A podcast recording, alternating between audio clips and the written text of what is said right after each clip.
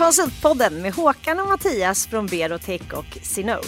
Äntligen en podd för dig i konsultbranschen. Vi är i en bransch som genomgår stora förändringar och det finns massor att snacka om. Häng med oss!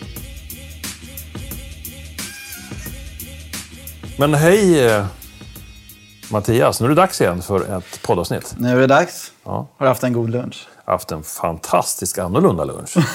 Det kändes som att jag var tillbaka på autobahn på en sån där bil... eh, Ja, ja, du vet, man går in och försöker äta något snabbt och det brukar alltid vara wienerschnitzel och sönderkokta grönsaker. Och det var precis så det var. Men jag var på Götgatan, så jag förstår inte riktigt hur det gick till. Inte helt nöjd. Som Trots en- att det är hipster Som en tidsmaskin. Ja, ja. Hur är det med dig? Nej men det är bra. Vi fick backslash i, i vädret här. Det är två grader och snö Ja, i maj. Hur går det med växthuset? det, det går bra, men det lär väl inte växa något i den här kylan. Men det känns bra. Det är kul att få komma in till stan. Det, det, man är ju lite emerit där ute. Ja, Eremit heter det, och ensam. Kul att se lite folk. det tycker jag. Vi har ju en bra gäst som vanligt. Ja! Yes, och vi har med, Tillbaka till roten av den här idén om att det ska vara konsult, för konsulter, av konsulter. ja, Nu är det en härlig konsult med. vi har med oss en managementkonsult som är dessutom specialisten inom eh, digitalisering. Digital facilitering och så vidare. Digital expert. Så att, eh, varmt välkommen Johan Wallqvist från eh, Centigo. Tack så jättemycket. Kul att vara här. Hur känns det idag? Ja, förutom väder så känns det väldigt kul att äntligen få prata med lite folk inom samma bransch och komma ur hemmet för en gångs skull. Med coronaavstånd ska vi tilläggas. Det syns ju inte. Vi sitter på långt avstånd Ja. idag. Och hur var lunchen? Min var ju definitivt bättre än Håkans. Det var fräsch. Håkan tog fel, fel, fel val helt enkelt. Så att om jag somnar här så är det sån här paltkoma av all...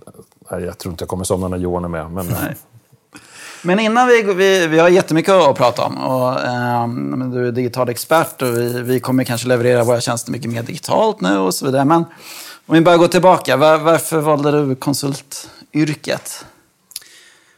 Från början var det nog, redan från skolan så blev jag lite så här halvt hjärntvättad på universitetet. Det var liksom när McKinsey kom dit och körde case, Accenture var där. De var duktiga på det här att lyfta konsultyrket. Så jag tyckte redan då att det var intressant. Men nu, nu hamnade jag inte där direkt efter skolan, men efter tre år tog jag klivet över till så klassiska Accenture, fast på Köpenhamnskontoret av alla ställen. Ehm, Där insåg jag att jag kanske inte var konsult egentligen. Okej. För jag kände mig lite för som en liten kugge i ett väldigt stort maskineri. Det var ju liksom 100 000 plus anställda. Det var ganska hierarkiskt och sådär. Så att jag, jag blev inte jättelångvarig, men det gav ändå, det var en bra skola. Och eh, sen tog jag mig vidare och sen ramlade jag tillbaks i konsultyrket ett antal år senare och har nu varit i snart fyra år igen, fast på Centigo. Och egentligen så trodde jag inte att jag skulle bli konsult igen, för jag hade ju den där lilla eftersmaken av att det är liksom, man gör så här och man är den där lilla kuggen. Men um, Centigo är lite annorlunda och har ett mycket mer entreprenöriellt tänk och en frihet. Och man eh, trycker mycket på det här att alla ska leda sig själva och det är ambitionsdrivet. Så att jag hoppar på tåget igen ni är verkligen en fantastisk kultur här på Santigo. Ja, den, är, den har för och nackdelar men jag trivs eh, väldigt bra. Kul. Och vad, vad är det för typ av uppdrag du, du gör hos kunderna? Mycket kring digitalisering. Allt från eh, hitta nya affärsmodeller till hur man rent operativt ska kunna driva igenom det. Eh, Sätta upp mer och effektivare digitala marknadsförings och säljkanaler. eh, Och allting som krävs under huven så att säga. Alltså det är system och organisering och, och de bitarna. Så lite mellan, mellan affärsdrivet och tekniken. Ja, nej men det, det är svårt att komma ifrån tekniken när man jobbar med dig- digitalisering. Så att, eh, exakt. Härligt. Och, och det är både så här korta, långa uppdrag. Ja, alltså jag själv har fått förmånen att jobba för en huvudkund lite längre tid. Men, eh, och även kryddat med en del andra uppdrag. Men ofta så har vi ju, jag skulle säga lite längre uppdrag än eh, normala managementkonsultuppdrag. Som kanske är ett par månader bara. Men det, det skiljer sig ganska mycket inom bolaget. Och jag vet att du, du brinner ju också, som eh, Håkan och jag gör, för konsultyrket och vill också hjälpa till att lyfta konsulterna, hur de ska liksom sälja sig själv och marknadsföra sig själv och så vidare. Jag brukar tala om någon form av konsultlivscykel. Kan, du- kan du berätta, hur, vad, kan du ge lite tips för hur en konsult kanske på ett konsultbolag, men kanske även en egen konsult behöver ta för steg för att sälja in sig? Ja, men jag själv ser det väl som att vi, vi lever i en, i en ny tid där allt är digitalt och personliga varumärken har fått en sån himla mycket större yta att spela på. Vissa benämner det attention economy och så. Att, och det räcker inte längre att ha ett starkt varumärke för sin konsultbolag. För personer connectar med personer. Och det finns ett superbra exempel på det. Det är att eh, Microsoft till exempel, de har väl någon 10-12 miljoner följare på LinkedIn. Går man och tittar på Bill Gates så har han tre gånger så mycket. Och det, var, det är så mycket härligare att följa en människa än en logga. Alltså det, allting är tillrättalagt och finputsat och så, men en person, man får en helt annan connection. Och det tycker jag man kan ta vidare även när man tänker på sitt eget varumärke. Att vi är och gör affärer med människor, även om det är en tjänst vi levererar eller en produkt.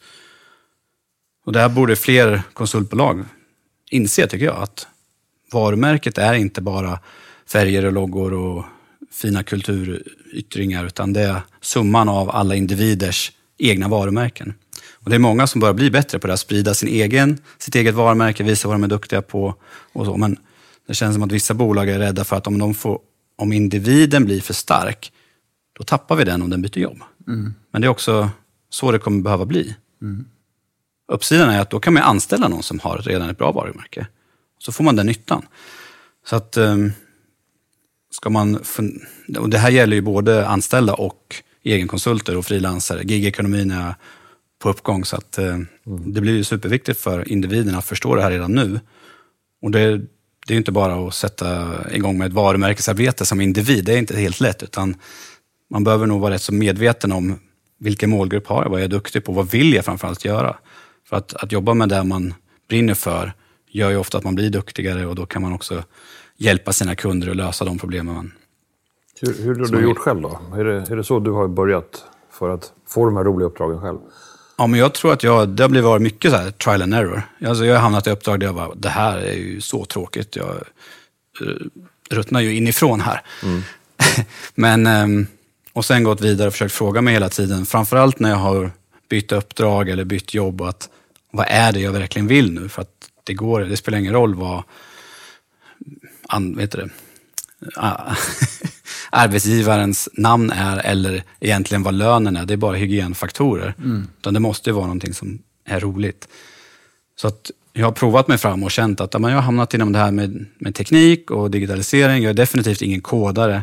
Jag kan läsa lite, lite kod och förstå. Men framförallt att se det sambandet mellan vad kan den här tjänsten lösa för mig nu? Vad händer om jag kopplar ihop det med en annan? Vad får vi för skaleffekter? Och vilket arbete slipper jag själv göra egentligen genom att använda tekniken? Så det är där jag har hamnat nu och fått förmånen att jobba med sådana projekt under ganska många år. I lite olika former, Ehm, men väldigt lärorikt. Ja, men du har ju verkligen varit duktig att pitcha dig själv, ditt personliga varumärke. Och både internt på Centigo och externt. Eh, Och kul. Och jag tror du är helt, helt rätt. Jag brukar också tjata om det här. Låt konsulterna växa och vara experter. Och det- Det kommer gynna, gynna både individen och men också företagen. De borde inte vara så rädda. Jag tror till och med det gynnar kunderna om man får konsulter som faktiskt vill göra det jobbet som just nu är möjligt för dem. Det pratade vi om på förra podden också, där, att liksom hitta sin, sin bästa plats. Där jag blir mitt bästa jag. Eller, det är lite grann samma tema. Mötte du några in, hinder eller invändningar när du började med det här sättet att tänka internt? Eller, Jag har mestadels fått hejarop, alltså internt om att jag gör det. Men när jag säger, sen säger att, ja, ska inte du också börja lyfta? Då däremot, då började man pusha folk utanför deras komfortzon. Och då, det är definitivt vissa som räcker upp handen och säger att jag vill också prova. Och det är jättekul, men jag tror den största svårigheten är just att det är lite obekvämt. Att sticka ut hakan, ha en åsikt, visa vad man kan. Jag vet inte om det är Jante och Sverige eller om det är någonting annan någon annan oro som håller tillbaka folk. om jag vore en sån nu då? Den där försiktiga som inte riktigt vågar och har mycket jante. Hur skulle du locka fram det bästa ur mig då? Hur skulle du få mig att ändra? Jag tror att det måste komma inifrån. Alltså att pusha för att, eh, att få göra det man faktiskt brinner för. Och kanske till och med eh, koppla på det här med med affärer. Att om du blir duktig på det du brinner för så kommer du kunna ta högre betalt, du kommer lösa större problem. Att Man Kommer börjar kunna inifrån. välja dina uppdrag. Ja. Exakt. Skapa, skapa möjligheter för dig själv genom att ändra lite och sen ta små steg. Precis. Och lite fake it until you make it kanske. Ja, men eller hur? Man måste ju börja någonstans. Och eh, lite i taget. Jag tror att det, det är ingen som blir superinfluencer över en dag, utan det, det tar sin träning och det gäller både det här tekniska, hur ska jag komma ut, hur ska jag hitta min målgrupp, vad ska jag skriva om om man nu ska publicera content. Men Ja, också men- få lite rutiner. Var med i Konsultpodden. Ja, där. Det är där det händer. Yes, kan pitcha, pitcha sig Men hit. det måste gälla dig Mattias också som på något sätt Ja, har tagit absolut. en position i marknaden och, och är den ja. som berättar om hur vi har det i branschen. Jag har bara fake it until I Nej, nej, det är inte så mycket fejk där. Men det, var det strategiskt eller var det mer att det blev en sån effekt? Hade du förstått det? Eh, det var... Eh, nej, det har nog bara blivit så. Mm. Vuxit till sig. Började skriva och tyckte ingen hade den positionen. Och, och vi, vi har en så, posi- så bra position så vi träffar vi kanske flest Ja, konsultföretag förmån och konsultledare i Jag, Sverige jag tänkte, säga. jag ställer frågan för Ja. att jag kan tro att ibland så ska man övertänka på sådana här Mm. saker. Och man måste göra världens plan och man fastnar på skrivbordet och funderar mer än gör. Jag Mm.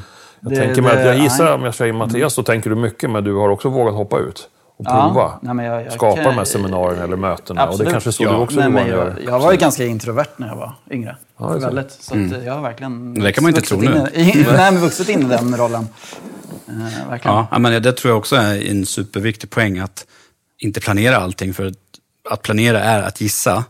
Det är bättre att, som du säger, se en möjlighet, ta den och börja göra först. Och sen kommer man ändå behöva anpassa sig framåt. sig lite Yes. på vägen. Det är lite mer det här agila och, och se att lär dig av misstagen och vad som funkar och inte. Men jag tror det är bra, som du säger, hitta sin lilla nisch. Sin lilla område där man liksom kan, Definitivt. kan sticka ut.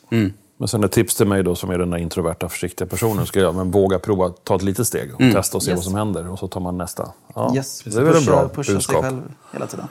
Men jag tror också att det blir mer naturligt i organisationer som vi på Centigo som inte har några chefer eller HR som säger vad vi ska göra. Då blir vi tvingade till det. Samma sak, Berotech är ju också mycket mer drivna från den individuella konsulten. Snarare än de stora konsulthusen där man blir tillsatt på ett uppdrag och bara bockar och tackar och levererar. Ja, men det, jag tror att det, det är verkligen framtiden att bygga sitt eget varumärke. Mm. Det kommer öppna så mycket mer, mer dörrar.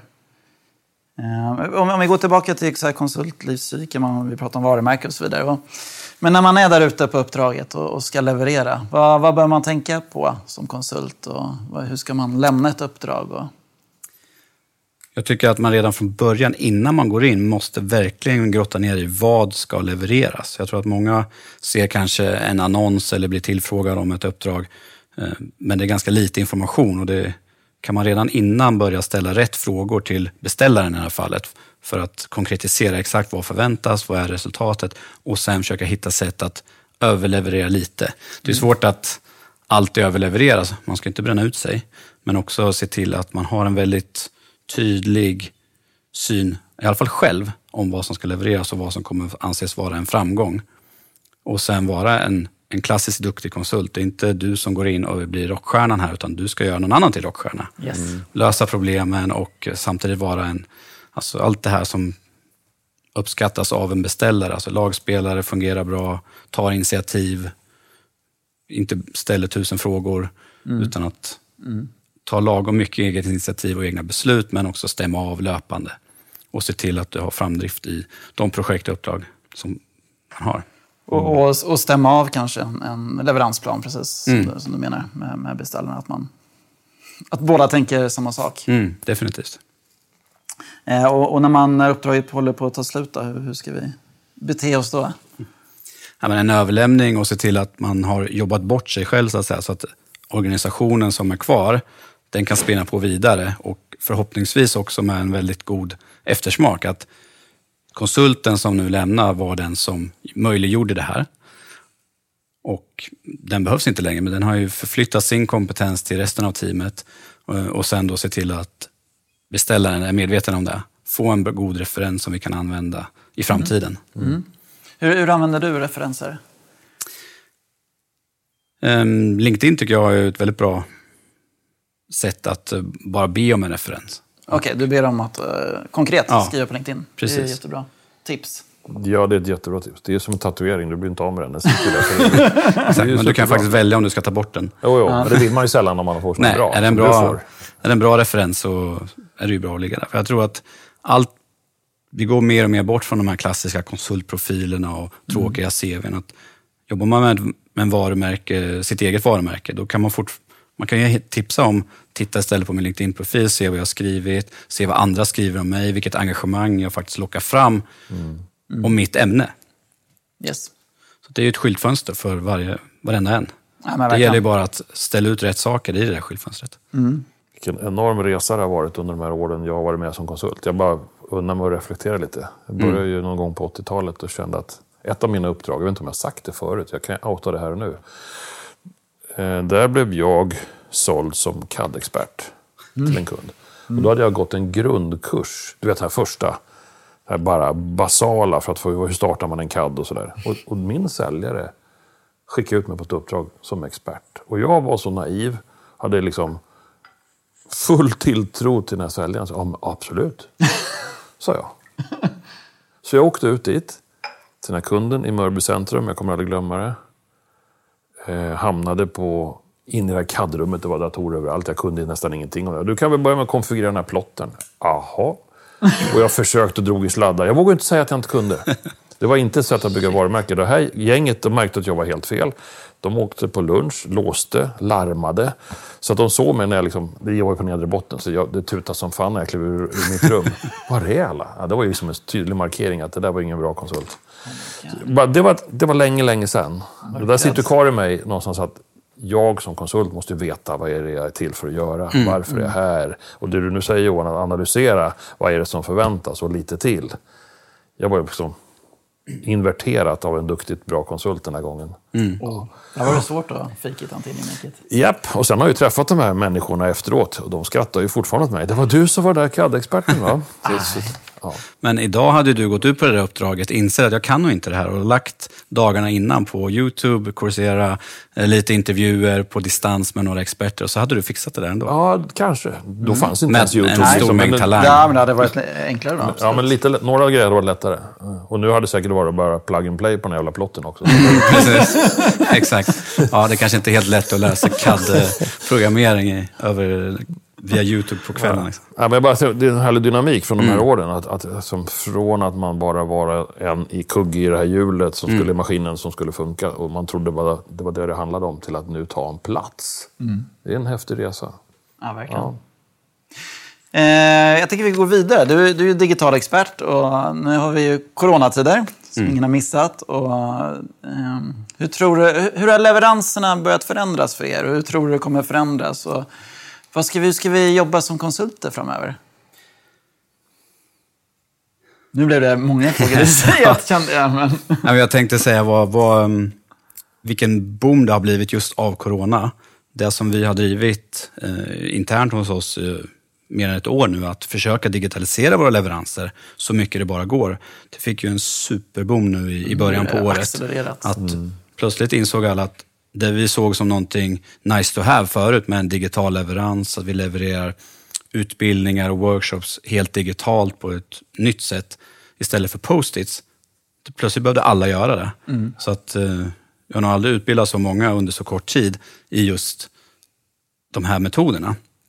Och många har ju verkligen fått upp ögonen för att vi behöver inte alltid sitta hos kunden. Vi behöver inte göra som vi alltid har gjort, utan nu finns ju möjligheten att köra workshopserier, att samla in input och dokumentation mer digitalt. Eh, Att hålla utbildning eh, där man delar upp det som ska ske före, under och efter till en mer löpande, kontinuerlig utbildningsprocess. Istället bara för att ha en halv dag med powerpoints i ett tråkigt konferensrum. Det blir mycket mer interaktivitet och sådär. Så att jag tycker att många delar har blivit mycket bättre.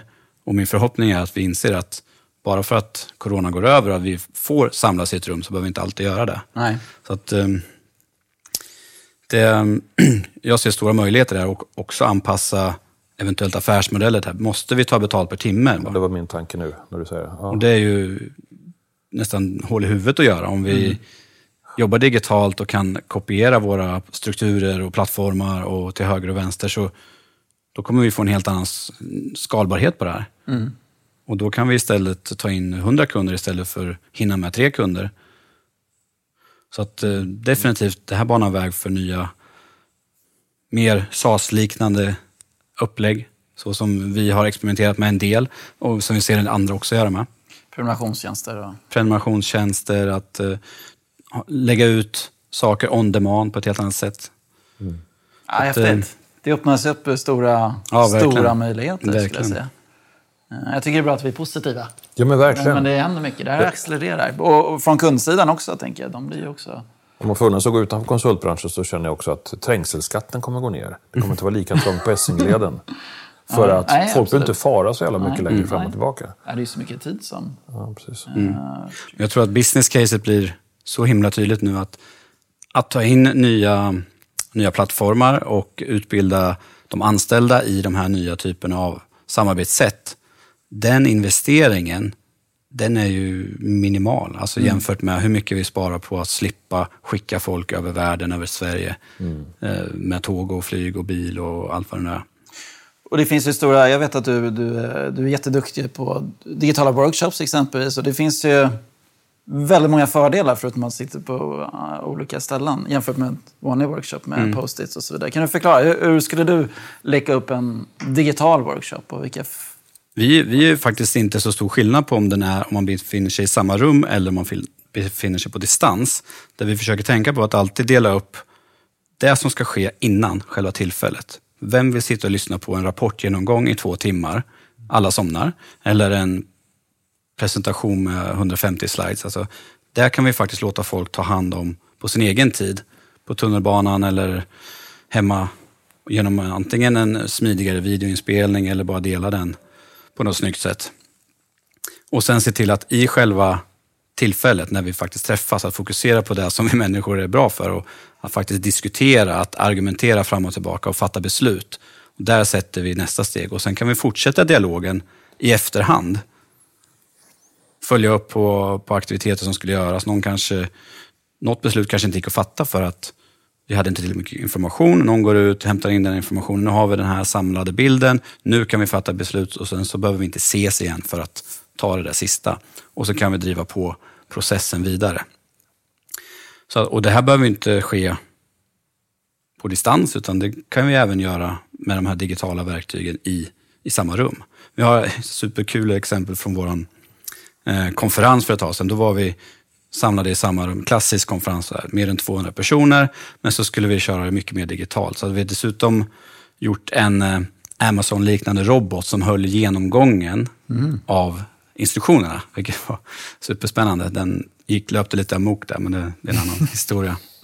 Det var ju då manusbaserat. Men, eh, och sen kunde vi jobba med över 200 personer i samma workshop, grupparbeten, analysera, gå igenom de här eh, övningarna och utmaningarna och sen ta in inputen från de här grupperna digitalt och direkt analysera på scenen för att möjligheten med textanalys, machine learning, AI gör ju att vi kan hantera egentligen hur mycket text som helst. Även om vi inte fick hela analysen klar så fick vi ändå ett första utkast på vad tycker grupperna, vad är de mest viktiga klustren? Det går att rösta, vi kan se, göra sentimentanalyser, är folk positiva eller negativa? Och sen när vi gick därifrån behöver vi trycka på en knapp så kan vi skjuta in det i, i Excel eller någon annan eh, lösning och ta det vidare för fortsatt bearbetning. Så att det, det digitala adderar ett lager till så här befintliga eh, befintliga möjligheter till det minst mänskliga. Jag brukar säga att man, vi ska ju se konsulterna som en Ironman där smartheten sitter i hjärnan och människan och det sociala. Och sen ger vi dem utrustning och möjligheter att förstärka redan befintliga förmågor. En annan, superbra. En annan reflektion jag gör i det här digitala miljön vi är i nu är att, att jag då, som kanske inte är längre den här introverta personen som Mattias också var när du var ung, utan tar gärna plats i samtal och möten. Nu känns det som att det, det, den superkraften är inte lika viktig längre. Utan i ett digitalt möte då, då får den något tystlåtna lika mycket bandbredd. Som där- gör att mötena blir bättre, eh, andra kommer till tals.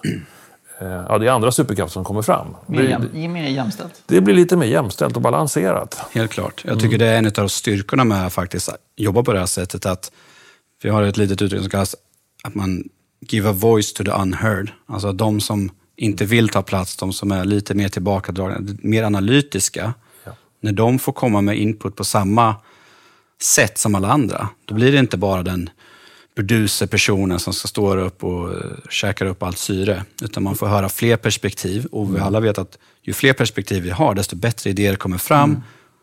Och det, det är ju så vi lanserar konkurrenskraftiga nya produkter och, och lösningar. Ja, jättebra poäng.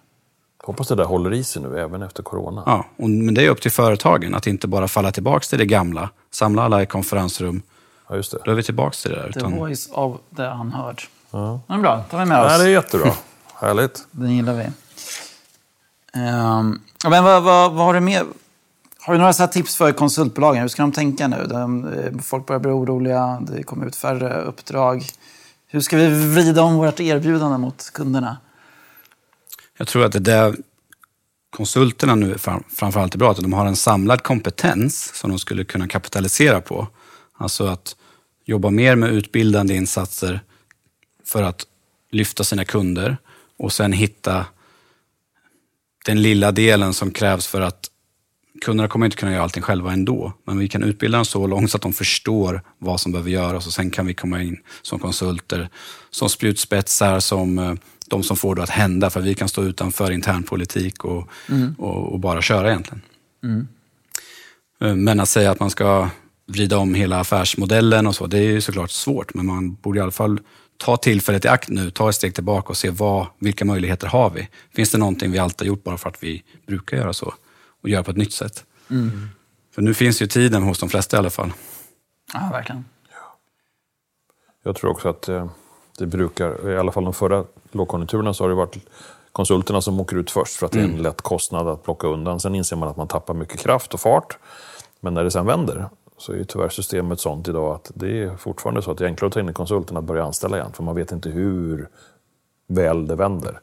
Så det kommer väl komma tillbaka igen. Men det gäller att göra det på ett nytt sätt så det blir mer effektivt. Ja, nytt sätt. att- Men jag tror att både konsultbolagen och alla eh, frilansare, giggare, egenkonsulter, de borde ta möjligheten nu. Om det är lite mer lugnare på leveranssidan, fundera på hur ska jag nu bli relevant? Hur ska jag kunna öka mitt nätverk, hitta rätt målgrupp, sprida mitt budskap så att jag kan komma in på rätt ställe i nästa stund.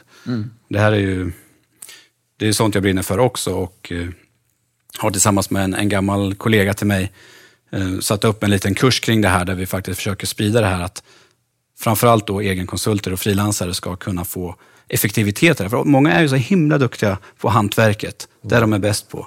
Men det, det skaver lite när man ska ut och s- inse att mitt uppdrag är på väg att ta slut. Jag måste sälja in ett nytt. Ska jag, måste jag vara säljare nu? Ja, men till viss del. Men det finns ju nya sätt att göra det här på. Och det är det vi har nämnt hela tiden. Att hitta den här konsult, konsultlivscykeln. Bearbeta rätt målgrupp, utöka sitt nätverk, komma med rätt budskap och stötta kunderna för att bygga ett varumärke. Så att man kan vara top of mind när det, där, när det väl gäller. Ta ett möte och landa ett nytt roligt uppdrag. Ja, Verkligen. precis. Är det LinkedIn som gäller? Det är ju en, definitivt en del av det. Möjligheterna där är stora. Det beror också lite på vilken bransch man är i. Men eh, hantera LinkedIn och behärska det så har man mycket vunnet.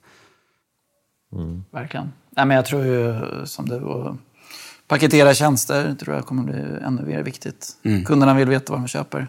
Mindre risk. Ja, verkligen. Kanske dags att se att en konsult ska se sig själv som en influencer. Ur tekniska eller tjänsteförsäljningssättet än att bara vara duktig på sitt yrke.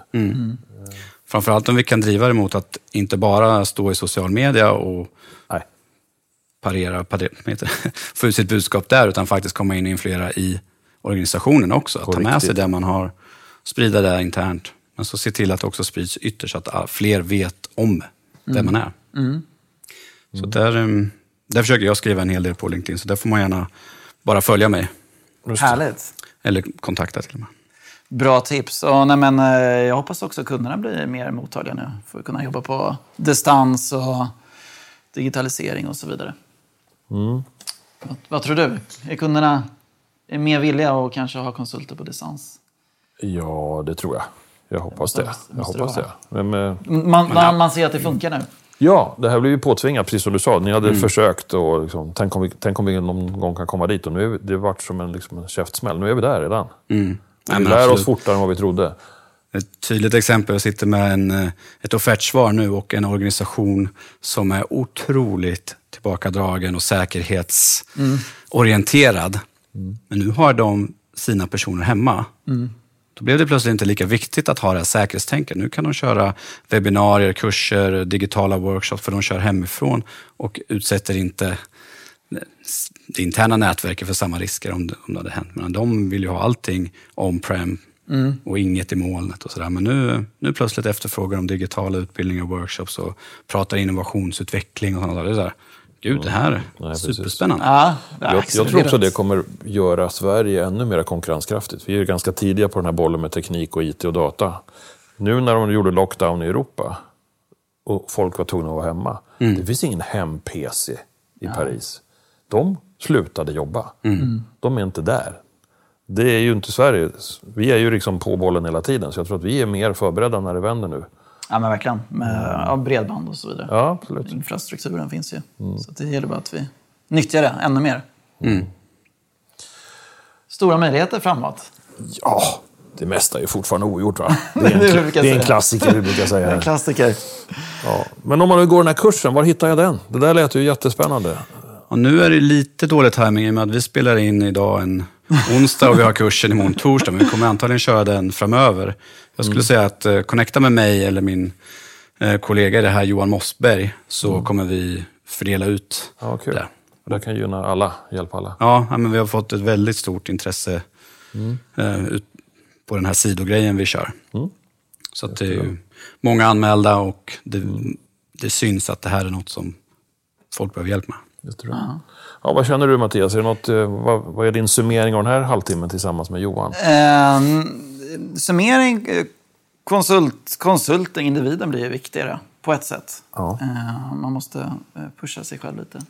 Varumärket, Stressande? personliga Är det varumärket. stressande eller? Nej, men jag, jag tror att folk gör som, lite som du är inne på. Man gör lite för stor grej av det. Nu ska jag göra ett personligt varumärke, influencer. Men det behöver inte vara så stressande. Nej. Man kan göra små steg i taget. Ja, det. Eh, Jag tycker det är viktigt. Och digitalisering, och det finns så väldigt stora möjligheter ute. Mm. Så jag är positiv. Vad skönt! Vad känner du Håkan? Ja, men jag känner det eh, också. Ja. Det, är, det är bra.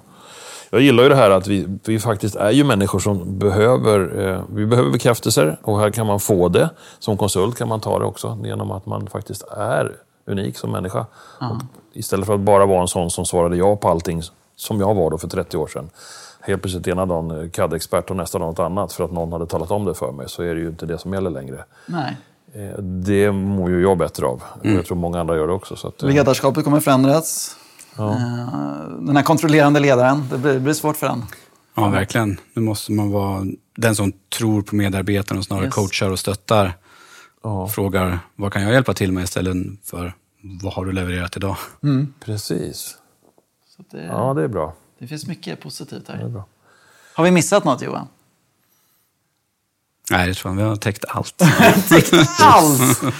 Nej, det finns mycket mer. men, eh, Fullmatat program. Ja, vad bra. Johan, vad, vad, vad tycker du vi ska ha för ämne framöver? Det är den ena frågan. Den andra är frågan, vilken cool gäst tycker du vi ska ta med? Under Det finns, alltså, jag, jag tror jag har lyssnat på så mycket podcast och träffat så mycket roliga människor. Det är svårt att välja någon. Men om jag är tvungen att välja någon skulle jag vilja spinna vidare på det här med digital marknadsföring och ett eget varumärke. Något som man skulle kunna som konsult använda sig av är ju det, det som kallas inbound marketing. Alltså man, man skriver content och så för att få nya leads. Så då skulle jag tycka det var intressant att lyssna på Camilla Agard. Hon är VD på Invice som är en sån digital marknadsföringsbyrå. Och har byggt den från... Någon, de har gått väldigt bra. Och jag har fått samarbeta med dem ett par gånger. Ja. Så att hon har en väldigt härlig energi också. Härligt. Bra. Ja, det är bra. Vi har ju touchat det lite i tidigare avsnitt, men det kommer vi tillbaka till. Tror jag definitivt. Grymt! Stort tack så mycket Johan för att Ja, men fick låna själva. dig Ja. idag. Kul att få vara på podden man lyssnar på. Ja. Kul! Härligt! Stort tack! Och det här var nummer 33 av Konsultpodden som är Berotech och Synodes podd för alla i konsultbranschen. Vi hade med oss Johan Wallqvist, han är Digital Transformer på Centigo. Och du hörde även Håkan Mild Svensson och Mattias Loxi. Som alltid så producerar vi på Septemberfilm.